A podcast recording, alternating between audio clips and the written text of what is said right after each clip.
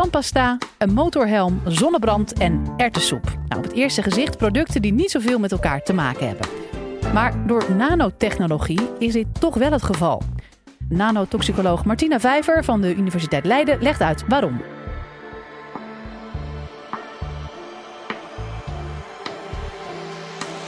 Live vanuit Club Air is dit de Universiteit van Nederland. Een motorhelm, zonnebrandcrème, tandpasta, een blik soep en sokken. Wat zouden deze producten nou met elkaar gemeen hebben? Ze bevatten allemaal nanodeeltjes. En wat zijn nanodeeltjes nou? Dat zijn zeer kleine deeltjes die je niet meer met het blote oog kunt zien. Ze zijn een miljardste van een meter. Om dat te visualiseren moet je je na gaan denken over een voetbal en die verhouding tot de aarde. Diezelfde verhouding zit tussen de voetbal en het nanodeeltje. Als deeltjes zo klein zijn, hebben ze unieke eigenschappen. Ze maken dat je dingen volledig kunt opvullen. Kleine deeltjes hebben een vergroot oppervlakte-volumeratio. Dat houdt in dat er meer atomen aan de buitenkant zitten relatief bij een klein deeltje dan bij een groot deeltje. Daardoor zijn ze reactiever. Voor de producten op deze tafel houdt het in dat de helm krasbestendig is, steviger is, maar ook dat als er water opvalt op het vizier, dat het er sneller afglijdt. Immers, het oppervlak is gladder. Voor de zonnebrandcrème houdt het in dat het meer zonlicht blokkeert. En voor de tandpasta lijkt het dat het tanden witter zijn. Het is dan ook echt een revolutionaire technologie die we net hebben gezien. Nanodeeltjes brengen de toekomst.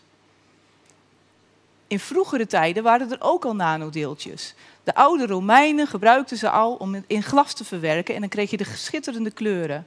En ook als je in kerken gaat kijken naar de glas- en loodramen, zie je eigenlijk de schittering vanuit de nanodeeltjes. Maar sinds 2005 is de technologie eigenlijk geboren. En dat komt omdat je microscopen nodig hebt om goed te kunnen kijken op de nanoschaal. En die geavanceerde microscopie is eigenlijk pas begonnen sinds 2005. En sinds die tijd kunnen we dus ook min of meer ieder materiaal in de nanoschaal maken. Dat houdt in dat je bijvoorbeeld ook medicijnen op nanoschaal kunt maken, waardoor je hele lage doses kunt gaan gebruiken, die dan direct naar het desbetreffende orgaan of waar je het ook maar in het lichaam wilt hebben, kunt sturen. En ook mini-robots zijn tegenwoordig al in ontwikkeling. Professor Veringa uit Groningen heeft in 2016 de Nobelprijs daarvoor gekregen. De Europese Unie ziet dat dan ook als een enorme grote en explorerende technologie, waarvan we al denken dat er enkele miljoenen ton productie per jaar is. Maar wat eigenlijk zo heel belangrijk in dit geheel is, is dat de groei van de nanotechnologie zo groot is. Ieder jaar groeit die met 22 procent. En dat al vijf jaar op rij. Dat houdt in dat het echt exponentieel groeit. Het is dan ook echt een technologie die ons innovatie brengt, vernieuwingen, welvaart en banen. Maar naast het feit dat het zo'n prachtige technologie is, hebben we ook geleerd vanuit vroegere tijden dat iedere nieuwe technologie ook een negatieve kant heeft. En het is dan ook een cruciale vraag op het moment om te kijken of de nanotechnologie, als het zo hard doorgroeit als nu, op een gegeven moment ook onoverkomelijke milieuproblemen en gezondheidsproblemen teweeg zal brengen. Dat weten wij op het moment nog niet. En vandaar dat mijn onderzoek, wat ik doe, gericht is op het begrijpen van hoe nanodeeltjes zich in het milieu gedragen, maar ook of er opname is en of er effecten zijn. Deze sokken, daar zitten zilver nanodeeltjes in verwerkt. Dat doet men omdat als je zweet er nare geurtjes komen. En de zilver nanodeeltjes maken dat je niet die nare geur meer krijgt. Elke keer als je ze wast, na het sporten, zal de zilver nanodeeltje in het spoelwater terechtkomen. En met het spoelwater komt het in het oppervlaktewater terecht. Als dat gebeurt, dan gebeuren er allerlei processen. Gewone chemicaliën in een oppervlaktewater zullen zich mengen. En dan ontstaat er een vloeistof. Voor vloeistoffen begrijpen we, we begrijpen eigenlijk wat vloeistoffen doen. En we weten ook hoe het zich gedraagt en wat we dan als risicoanalyses hebben. Maar voor nanodeeltjes, als die in het water komen, dan ontstaat er een suspensie. Het gedraagt zich totaal anders dan de vloeistof. Je ziet dat de deeltjes zich gaan samenklonteren en gaan drijven, dan wel naar de bodem gaan zakken. Voor dit soort suspensies hebben we nog geen risico-inschatting. Om te begrijpen waarom de deeltjes samenplakken en of dat ook een risico geeft voor organismen, willen we dan ook kijken wat gebeurt er in het oppervlaktewater en wat voor type organismen wonen daar. Nou, allerlei planten en dieren en we hebben de zebravislarven gekozen. En dat soort type organismen hebben we blootgesteld in deze suspensies. En we hebben gekeken naar een, een range aan nanodeeltjes, dus van grote naar kleine nanodeeltjes.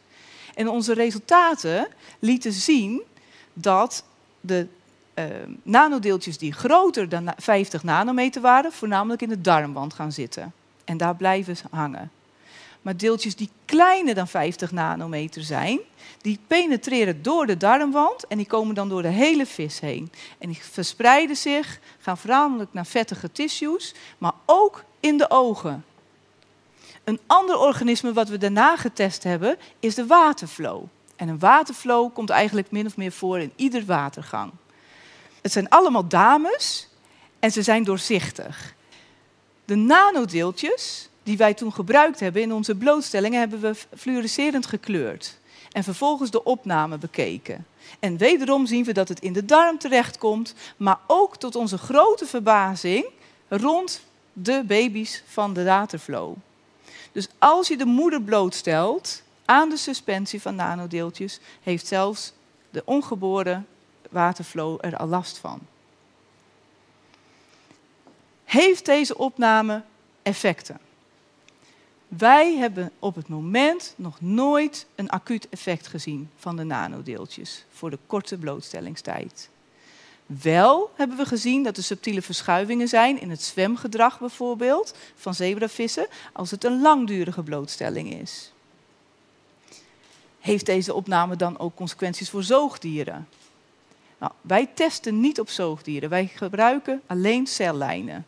En die gebruiken we vanuit de darmen en vanuit de lever. En als je die cellijnen blootstelt aan de suspensie zoals hier, dan zie je dat de nanodeeltjes in de cel komen. En in de cel geven ze dan een ontstekingsreactie. Diezelfde ontstekingsreacties in de cellen zien wij ook terug in de hele zebravis. Onderzoek in het buitenland met muizen laat zien dat nanodeeltjes, als ze een naaldjesvorm hebben, uh, ook in de longen van de, uh, van de muizen komen. En dat ze daar een soort met ontstekingsreactie geven, zoals met asbest gevonden is. Wat doet dat dan met een mens? Nou, alleen de focus op de mens is wat mij betreft kortzichtig. Wij onderzoeken de hele keten. Want als er iets misgaat in de ecologische keten, dan is het veel erger en komen er veel meer consequenties aan vast dan alleen voor de mens. Maar zitten die deeltjes dan ook in mij bijvoorbeeld? Nou, dat durven we eigenlijk wel te verwachten, dat er nanodeeltjes in ons zitten.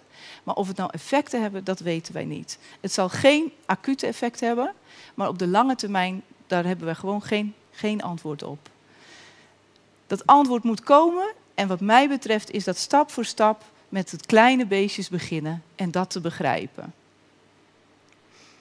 Begrip van hoe nanodeeltjes zich in het milieu gedragen en of er opname is en voor welke organismen en waarom, is voor mij van belang, want dan kan ik communiceren met industrie en overheid. Dat is belangrijk op het moment. Wat ik al zei, de nanotechnologie is een beginnende technologie. Ze is nog maar jong en er zijn niet echte verontreinigende emissies geweest. Dus als we nu ingrijpen, kunnen we nog heel veel impact hebben. Vandaar ook dat wij praten met industrie en vertellen van als we het zo aanpakken en we brengen onze kennis over van dat soort type deeltjes plakken minder aan de darmwand of dat soort type deeltjes penetreren niet door een celwand, dan kunnen wij dus helpen aan het voorkomen van milieurampen. Dat is belangrijk en daar ben ik trots op dat wij dat mogen doen. Want door die hele kleine veranderingen kan ik wereldwijde impact krijgen. En ik ben er dankbaar voor dat we dat mogen doen en dat we dan met een gerust hart later met z'n allen sportsokken kunnen wassen. Dank u wel. Dit was de Universiteit van Nederland. Wil je nou nog meer afleveringen beluisteren? Check dan de hele playlist en ontdek het antwoord op vele andere vragen.